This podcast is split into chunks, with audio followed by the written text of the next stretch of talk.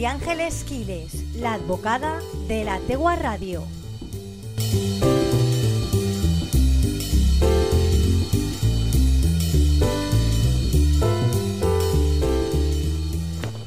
Hola Elia, buenas tardes a ti y a todos los que nos escucháis. Es viernes, toca hablar de derecho. Y bueno, ya en plenas vacaciones casi jurídicas, os voy a hablar de dos cosas que me han, bueno, una cosita que me ha parecido muy interesante y que muchas veces me preguntan cuando vais al despacho y, y surgen algunas dudas, ¿no?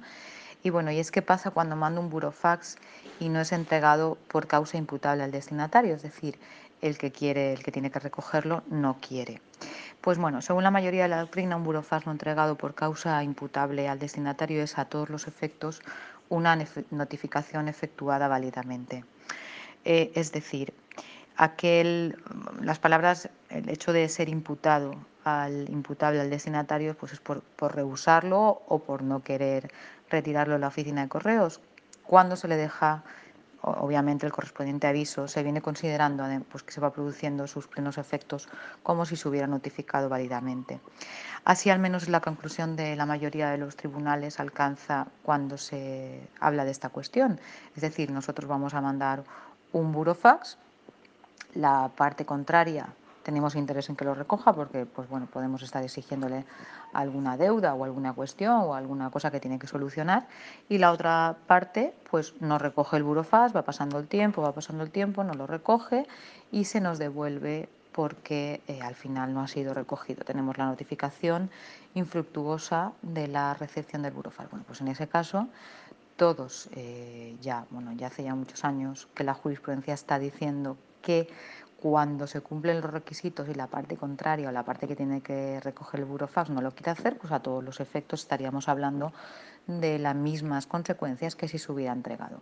Eso también nos sirve al revés, cuando nos mandan a nosotros un burofax y pensamos que no recogiéndolo no va a pasar nada.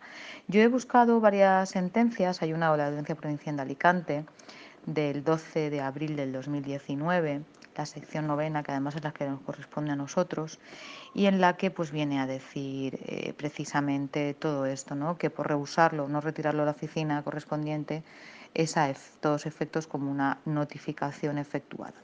La jurisdicción en este caso es meridianamente clara al respecto. Un burofax no entregado por ser rehusado o no retirado no implica una acreditación de falta de conocimiento por parte del destinatario, es lo que dice la jurisprudencia, sino que por el contrario prueban la voluntad renuente, del mismo a recoger la documentación correspondiente a ese notificado, es decir, está eh, precisamente haciendo lo contrario, no queriéndola recoger.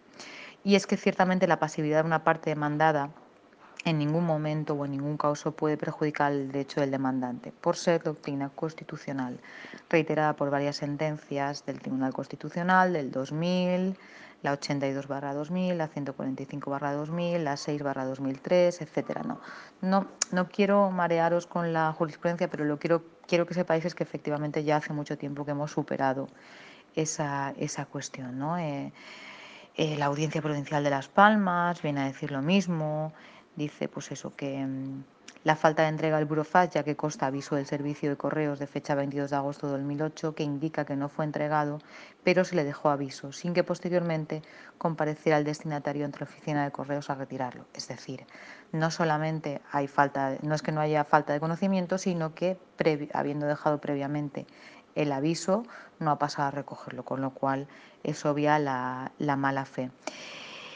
Os cuento otra, vamos a ver, en caso de la enervación, es decir, cuando nosotros podemos eh, perdonar al deudor en una cuestión de, una, por ejemplo, un alquiler de una casa, tenemos que darle la posibilidad de enervar, es decir, la posibilidad de que nos pague la deuda y así poder continuar con, bueno, con el alquiler en este caso. En este supuesto, en la, en la sentencia que os comento de Las Palmas del 3 del 7 del 2018, pues precisamente pasaba esto. Se estaba intentando decir que, que podía haber, eh, no había enervación porque no había pagado y se le mandó un burofax, pues en este caso no lo quiso recoger, pero eh, sí que se le dejó la correspondiente aviso eh, en el domicilio y obviamente lo que quiso hacer eh, era no recogerlo.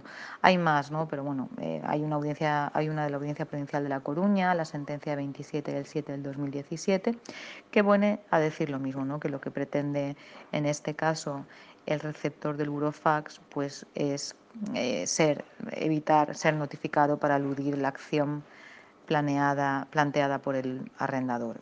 esto es pues nada, lo mismo, lo mismo caso de, un brofax que se envía para requerir el pago de un alquiler, pues en este caso se le mandó el burofax, la parte contraria eh, no pasó a recogerlo por la oficina de correos y al final pues la sentencia lo que dice es que son los mismos efectos que si hubiera sido retirado. Pues nada, dicho esto, espero que haya quedado claro y que bueno, eh, por supuesto, si me lo tenéis que preguntar, me lo preguntáis, pero no vale eso de si no recojo el burofax no me pasa nada, pues ya hemos comprobado que sí que sucede. María Ángeles Quiles, la advocada de la Tegua Radio.